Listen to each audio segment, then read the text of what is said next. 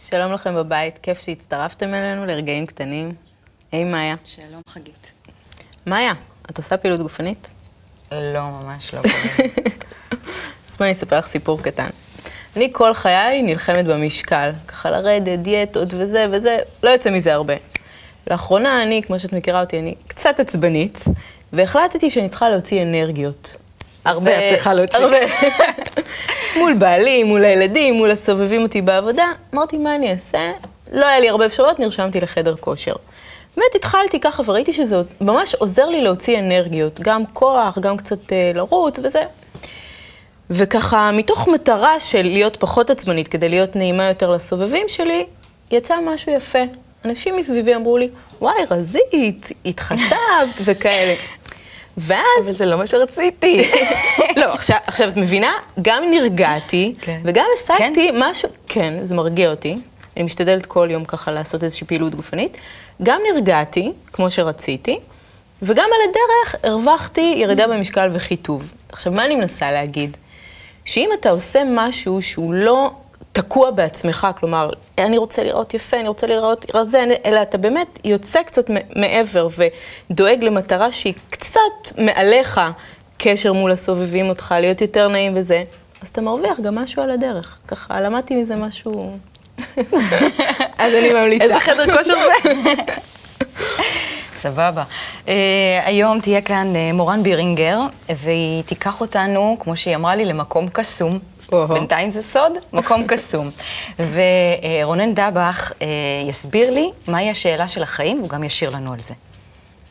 משה ש... משה שיוביץ תדבר איתנו על uh, סיפוק ואושר בתוך זוגיות, ורחלי תדבר איתנו על הסרט היפני פרדות שזכה באוסקר. והאורחת שלנו היום היא הזמרת ריקי גל. אז נתחיל.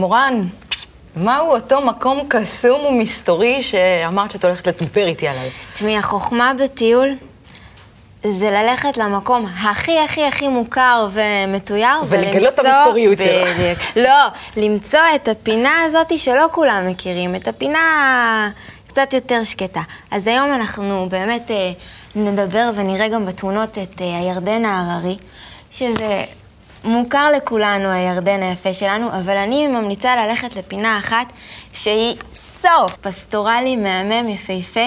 זה צמוד למושב כרכום בצפון, צפונה של הכנרת. אה, מקום פשוט להתמזג. למה? מה יש. שם? איזה סוג של נוף, של דברים? המון המון צמחייה ומסלעות ומים זורמים בתקופה של האביב, ממש מים פוריים. שוצפים? שוצפים, עונת הרחצה בחינם. אה, באמת? לגמרי, ומקום אה, מקסים לבלות בו ככה את היום, גם למשפחה, גם לזוגות, יכול להיות מאוד רומנטי. מי שמעוניין קצת יותר באקשן יכול לצאת למסלולים, יש מסלולים שמתאימים אה, גם לאופניים, גם למטיבי לכת, ואין על זה, פשוט מקום מהמם. ולקראת המשבר הכלכלי, אז אה, באמת אחד המקומות שאפשר ללכת- אליהם בחינם, כל המשפחה, ממש אה, מומלץ. גילית לנו מקום סודי, עכשיו הוא כבר לא יהיה, אבל שנהנה כולנו ביחד. תודה. בהחלט. רחלי, שלום, מה נשמע? לאן את לוקחת אותנו היום? אני לוקחת אותך לסרט פרידות, סרט אה, יפני מאוד מיוחד שזכה בפרס האוסקר, לסרט הזר הטוב ביותר, וביפן הוא זכה בעשרה פרסי האוסקר היפני.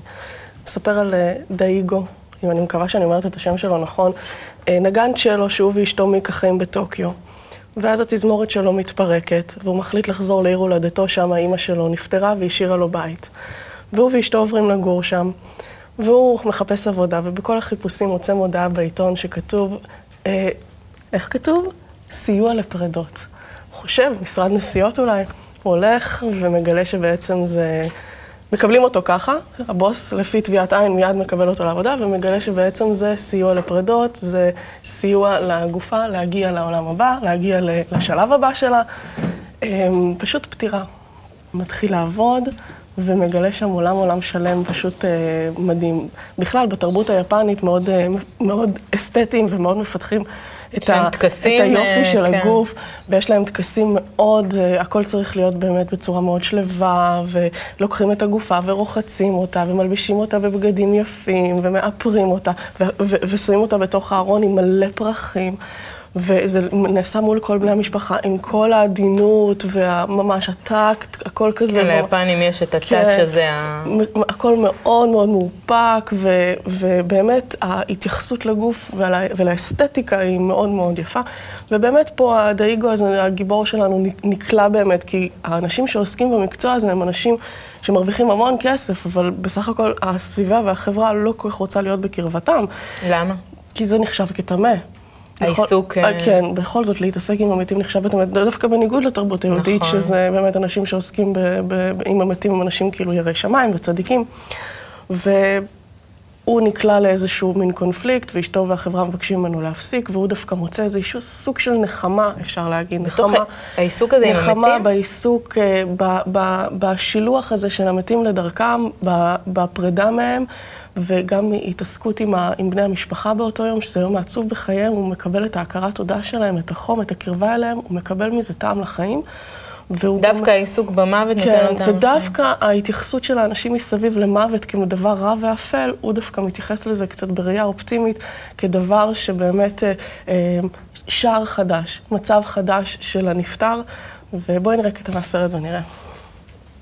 それではただいまより個人様の安らかな旅立ちを願いまして納棺の儀執り行わせていただきます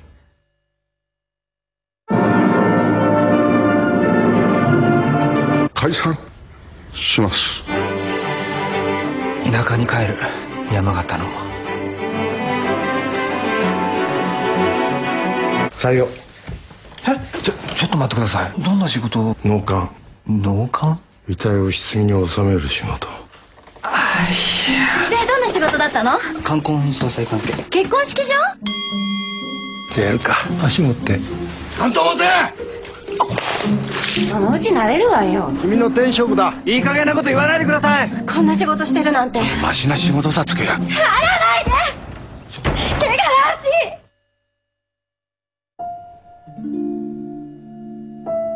別れの場に立ち会い個人を送る。それは何より優しい愛情に満ちている。あいつ今までで一番綺麗でしたやってみるかい。はい。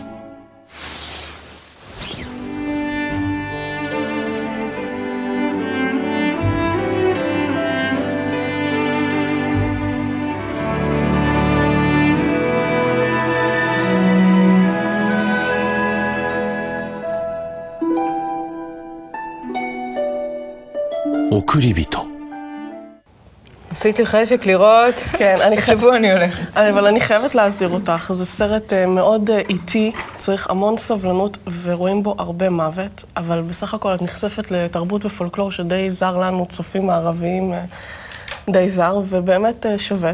שווה לראות אותו. אני באמת קצת מסתייגת מהראייה היפנית, של התרבות היפנית על המוות, כי אני חושבת שמוות זה בסך הכל מצב שיכול להיות כל רגע. זה מצב של בעצם התנתקות והתחברות עם, כוח, עם איזשהו כוח לא עליון, עם כוח הטבע. לא הבנת? הקבלה בעצם מסתכלת על, ה, על, ה, על, ה, על מוות כ, כחלק מ, מתהליך. הרי כשאתה לא נמצא בחיבור עם הכוח העליון, אתה, זה, אתה בעצם מת. אתה לא, לא קשור לטבע.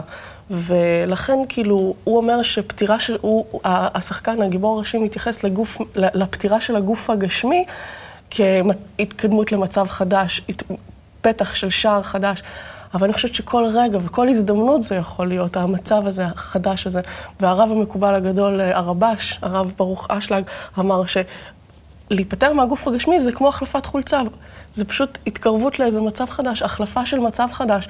ואני חושבת שזה יכול להיות, וכל רגע ורגע יש לנו את ההזדמנות לעשות את זה, וזה לאו דווקא בגוף הגשמי או בגוף ה... כלומר, לא לעשות אישו כזה גדול מ... לא לעשות אישו כזה גדול, כי למצב. בסך הכל החשיבות הוא בלהתעסק בנשמות, ולאו דווקא בגופים. שהנשמה היא נצחית בעצם. ו- וההתעסקות אה, בתרבות היפנית בגוף היא מאוד יפה, היא מאוד אסתטית. אני חושבת שמה שחשוב זה הנשמות. הפנימיות הפנימיות. והנצחיות. אבל תלכו, תהנו, זה, אה, זה נפתח עולם שלם שבאמת אני לא הכרתי, וזה יפה מאוד. תודה רחלי. בבקשה.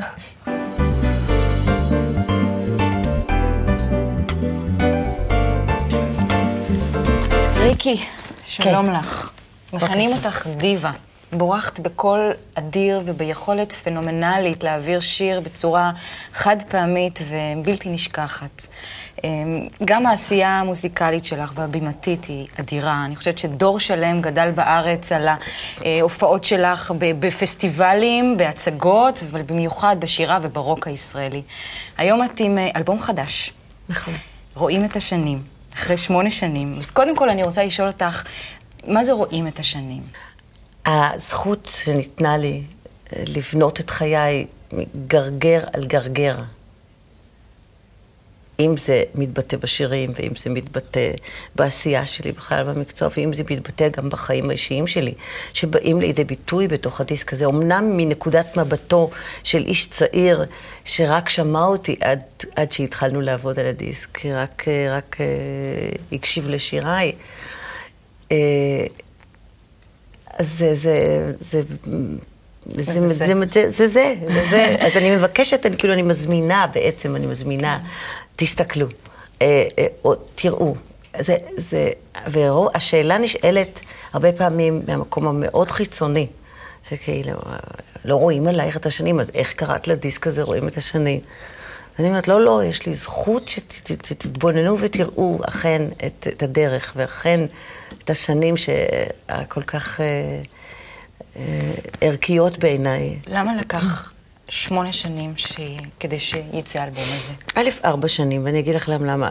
שירים מקוריים עשיתי רק לפני שמונה שנים, אבל לפני ארבע שנים הוצאתי דיסק שנקרא אמצע בלוז, שאומנם מוקלט בהופעה חיה, אבל אני אה, ניגשתי גם לאולפן וטיפלתי בו גם באולפן, שזו עבודה לא, לא קטנה. מה היית צריכה כדי לעשות באמת משהו מקורי? את המקורי הזה. למצוא, שייווצר לי מפגש נכון עם אדם שכותב ו- מה זה, ויוצר מה זה מוזיקה. כשקורה שיש מפגש נכון?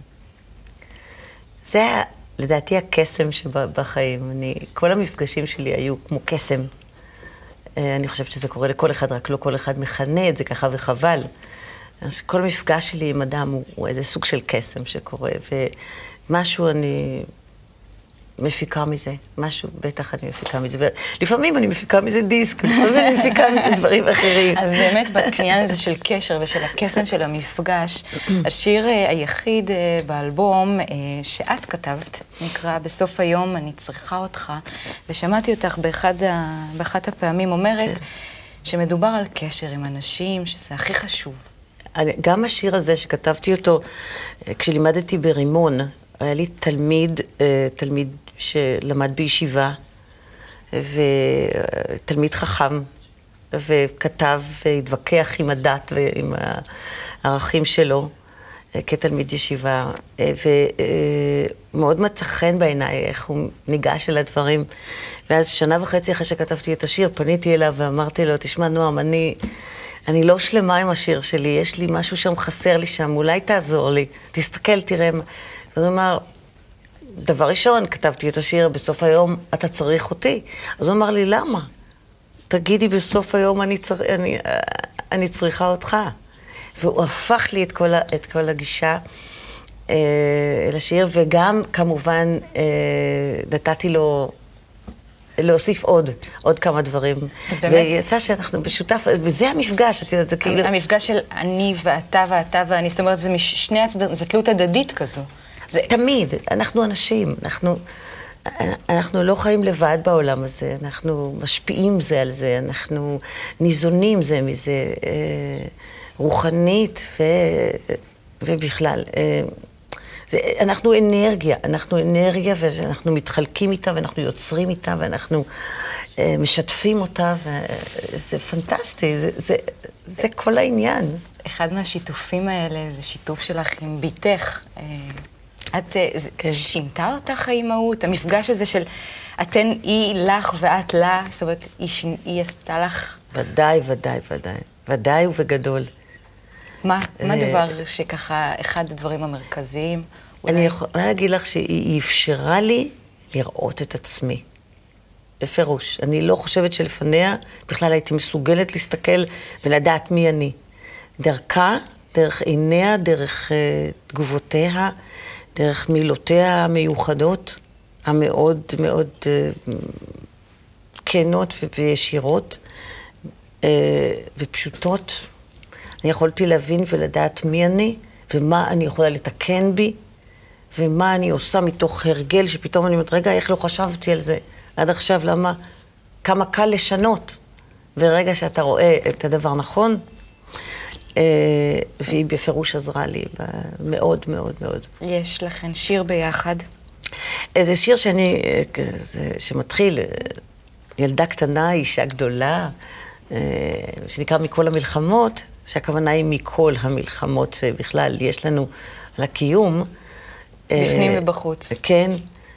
אה, שיתפתי אותה, כי היא היית שותפה בכל שנייה ושנייה של העשייה שלי, ויש לה, היא דעתנית, והיא, והיא אומרת את כל מה שבעיקר עכשיו שהיא בת 18, ממש מלאו לה עכשיו לפני יומיים, 18. מזל טוב. תודה. והיא אה, מתגייסת עוד מעט, וזה שוב פרק חדש בחיים שלנו. אז היא שותפה ומלאה, ואני סומכת עליה מאת האחוזים. אז בואי נראה את הקליפ הזה.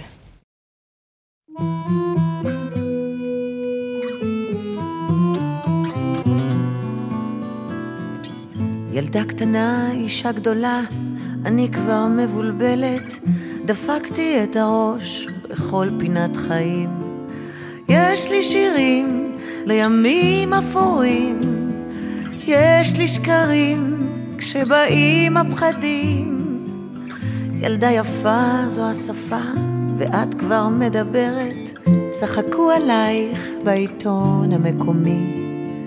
יש לך שונאים בימים רגילים, יש חלומות שצריך להנשים מכל המלחמות. אני חוזרת בעצמי, קמה לי תחייה,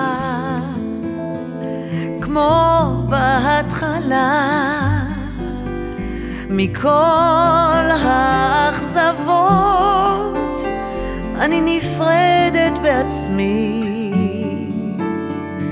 רגע מנוחה, כמו בהבטחה שנשבעתי אז בליבי. אספי ידייך מן האש ולכסה חניכי הביטי לאחור רק כדי להמשיך. יש לך צבעים לימים מחווירים, יש לך אותך, לא צריך הסברים. ילדה קטנה, אישה גדולה, אני כבר לא נבהלת, בסך הכל רוצה לשיר קצת מעצמי. יש לי קולות שחוזרים ואומרים, יש חלומות שצריך להנשים מכל המלחמות. אני חוזרת בעצמי, קמה לי תחייה, כמו בהתחלה, מכל האכזבות. אני נפרדת בעצמי. רגע מנוחה, כמו בהבטחה, שנשבעתי אז בליבי.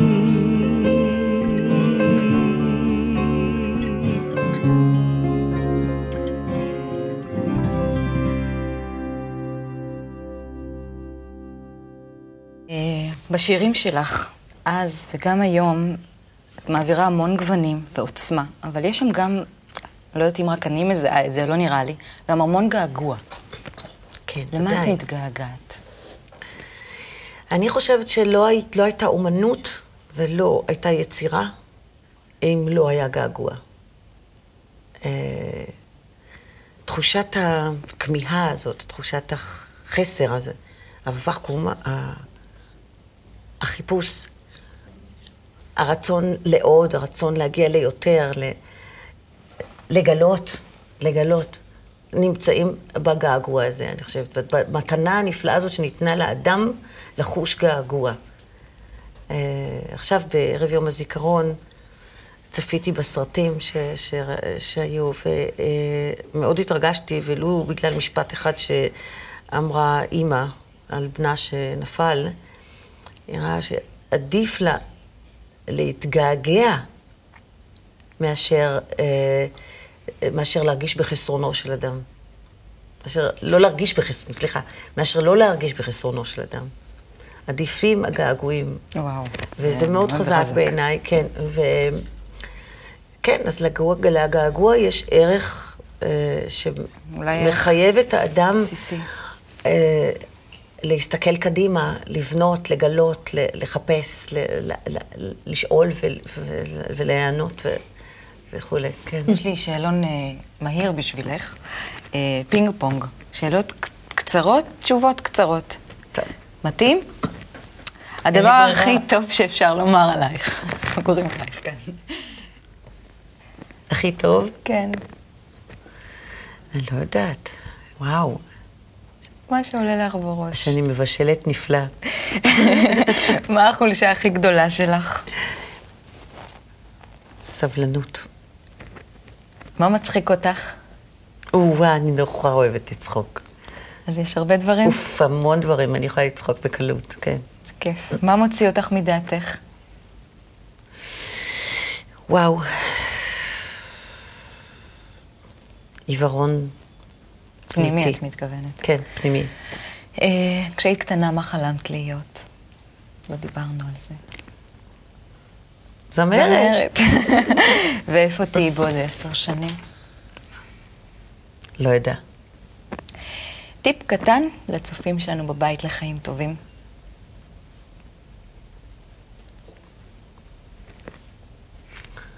ל- ליהנות, ליהנות מכל דבר שאתם רואים, מתבוננים. אה, כן, ליהנות מהחיים, לשמח את עצמכם בהנאה מדברים הכי פשוטים. אוויר, ריח ים, ריח שדות, מראה יפה של פנים, אה, מבט עיניים.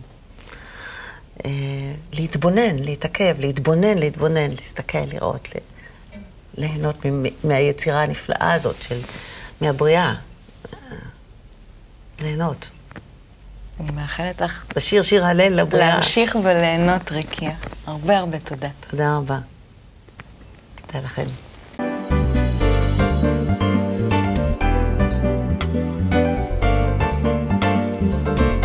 משה. הרבה זמן לא ישבנו יחד. נכון. פעם שנייה כן. שלנו ביחד, כן. על מה תספרי לנו היום? אנחנו נשים חיות חיים לא פשוטים. אה, וחלק מהקושי ומהסבל שלנו בחיים זה ביחסים. כי אנחנו עדיין, אחרי כל, האמנציפ... כל האמנציפציה שעברנו והכל, הכל, אה, וכל מה שבעולם הפיזי אנחנו בקושי קשורים, אה, את יודעת, בקושי תלויים בגבר. אבל פנימית, שמרנו על מין תלות כזאת ביחסים, שאנחנו ככה תולות את האושר שלנו באותו הגבר המסכן, שאנחנו אנחנו מצפות ככה את המילוי הזה ואת האושר הזה.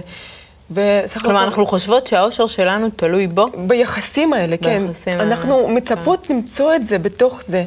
ואנחנו רואות כל הזמן אי-הבנה, ואנחנו רואות שהוא בכלל אה, לא כל כך בתוך זה, ואנחנו רואות שמה שאני לא רואה, עושה, איך שאני לא מסבירה את עצמי, תמיד יש איזשהו פשוט, סוג של אנחנו, תסכול. כן, אנחנו נשארים בנפרד. אני נשארת בן אדם בנפרד, והוא בנפרד. זה אף פעם לא מצליחים לא... להתחבר לא למצוא באמת. את החיבור הזה, לא לאהוב באמת. פשוט אין. ואני מרגישה שזה... למה? אבל אני מכירה זוגות שאומרים, אני חיה עם בעלי כבר 30 שנה, וטוב טוב." לנו, וזה, ו... נכון, ואחרי שאת יוצאת, אז הם אה, 20 פעם ביום מתגרשים, תאמיני לי. בכל זוגיות, בכל זוגיות, אין זוגיות שהיא מושלמת. וככה זה מביא אותנו למשפט שעוזר לי, שככה לפעמים אני יוצאת מהבית עם סיגריה, ואני אומרת לעצמי, לא חינוכי מאשה. לא חינוכי. אני יוצאת מהבית עם קפה, ואני אומרת לעצמי, אה, איך, איך אני אסתדר עם זה עכשיו? מתמודדת עם הדבר הזה. אז משפט שמאוד עוזר לי, זה גם משפט עצוב, אבל הוא מאוד עוזר, זה מנטרה שמאוד עוזרת, זה שאין עושר שלם ואין מילוי שלם ביחסים של העולם שלנו. אין אותו. אנחנו, בתוך המערכות שיש לנו, בתוך היחסים שיש לנו, אנחנו לא יכולים, לא מסוגלים להגיע אף פעם לחיבור המלא הזה, לעושר המלא הזה. אז אין מה למה לחפש, זה עוזר אין, לי? אין מה לחפש את זה שם, זה מה שאת אומרת? אין מה לחפש את זה שם, עד דרגה מסוימת. עכשיו, למה המשפט הזה כל כך עוזר לי? כי זה עוזר, אומר לי שהבחירה היא בידיי, שאני יודעת שיש משהו ללכת מעל, שיכול להיות ששם אני אמצא את האושר ואת המילוי, וזה באמת ככה שם. כלומר, העושר הוא במקום אחר, שהוא קצת מעל כל זה, הוא... לפעמים אנחנו צריכות פשוט להגיד, ככה לסגור את הנושא, וככה להתרומם קצת, ו...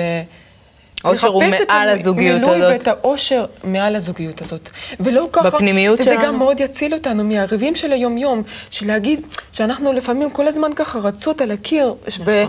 ואומרות, ממך, ממך אני רוצה את האושר, ממך אני רוצה את המילוי. ואז בעצם וזה אם- לא בתוך זה. השאלה, אם אנחנו נעלה אחר כך, ונעלה לדבר הזה, ואז נהיה יותר שלמות, או לא יודעת מה, אז זה גם. יחלחל ה... זה מאוד ישפיע על זה. כמו שאת אמרת בהתחלה עם הספורט. שאם אני לא הולכת על זה שאני רוצה להתעמלות, התעמלות, התעמלות, אני רוצה, וכל הזמן את בודקת, האם שריר פה, האם, אה, את יודעת, האם ה-20 גרם ירדו שם, האם...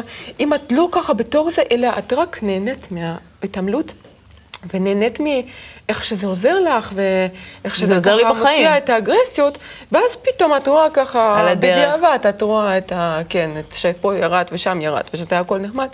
אותו דבר אנחנו צריכים לעשות ביחסים. לא ככה להתרכז בזה, אלא לחפש את האושר שלנו מעל, והוא באמת נמצא מעל. יאללה. ואז אנחנו נראה אחורה שגם בזוגיות זה יסתדר הרבה יותר טוב. יום אחד אני גם אשאל אותך איך מחפשים, איפה נמצא האושר הזה, תסביר לנו איך מוצאים אותו מעל. את יודעת, אולי את תספרי לי. תודה, משה. תודה לך, גיל. אולי אה, רונן יענה לנו על זה, בתור הייצוג הגברי היום אה, בתוכנית. אה, באמת, תגיד לי, מה זאת השאלה הזאת של החיים? מה, יש שאלה אחת כזו? השאלה? אם את שואלת אותי זה משהו כאילו בעיניי, אם את שואלת אותי מה אני שואל, כן. אני שואל אה, אם יש איזושהי אמת אובייקטיבית שהיא לא תלויה במה אני חושב על החיים, מה אני רוצה מהחיים, כאדם באופן אישי, זאת אומרת כל החיים שלי אני מחפש איזשהו משהו שהוא בלתי תלוי במה אני חושב על החיים, על המציאות, ולא למה אתה חושב שיש דבר כזה? לא אמרתי שיש, אבל אמרתי אם יש, אני חייב לדעת מהו. אוקיי, עכשיו יש לנו משהו ככה קונקרטי. יש את, ה, את העניין הזה של אם אני... אז, אז אם אני, כמו, שזה, כמו, כמו שהחיים ככה, אז זה יכול להיות שזה כמו שהחיים ככה, אבל יכול להיות שיש גם משהו מעבר, ואתה מחפש את מה שמעבר. כן, אני חייב לגלות אם יש או אין. אחת הש... השאלות, אה, היא מתומצתת בצורה הכי טובה ב... אה, הטעם, למה אני חי. למה אתה חי? אני אישית, כדי אה, לענות על השאלה הזו. כדי לענות על השאלה הזאת. והשיר שאתה הולך לשיר לנו. אה, כדי לענות לאחרים על השאלה הזו. טוב? תשאיר לנו. יאללה, בכיף.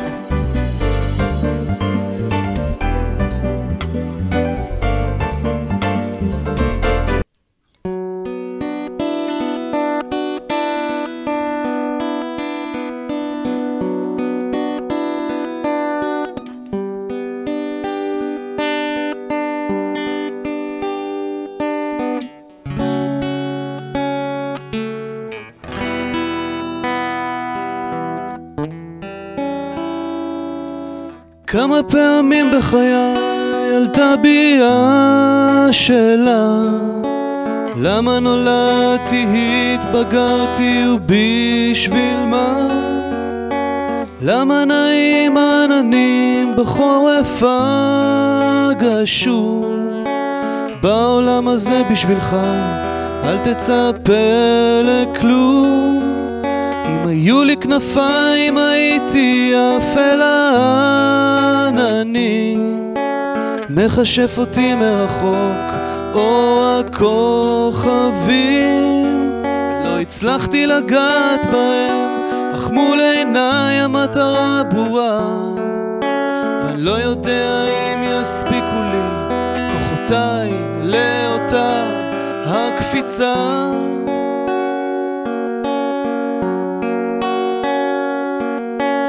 אה, אני אגיע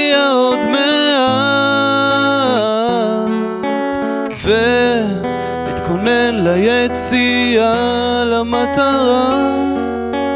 אה, אל החלום והתקווה אני נוהר. או, אל תכבה כוכב שלי.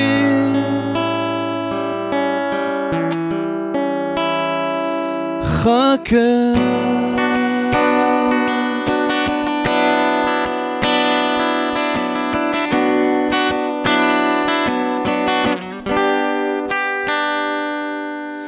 בכמה דרכים ושבילים אצטרך עוד לצעוד בכמה ימים וגאיות אצטרך עוד לעבור כמה פעמים אנסה לעמוד ושוב אפול כמה פעמים אצטרך שוב להתחיל מההתחלה שוב את הכל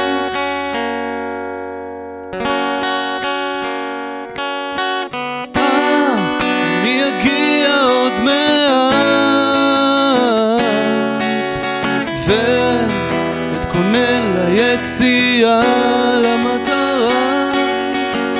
אה, לחלום והתקווה אני נוהר. או, אל תכבה כוכב שלי. חכה.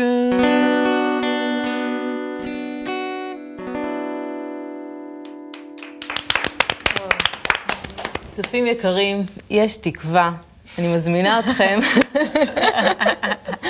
להיכנס לאתר שלנו, ככה אם אתם רוצים קצת להתרומם מעל היומיום הזה. יש שיטה, יש תקווה.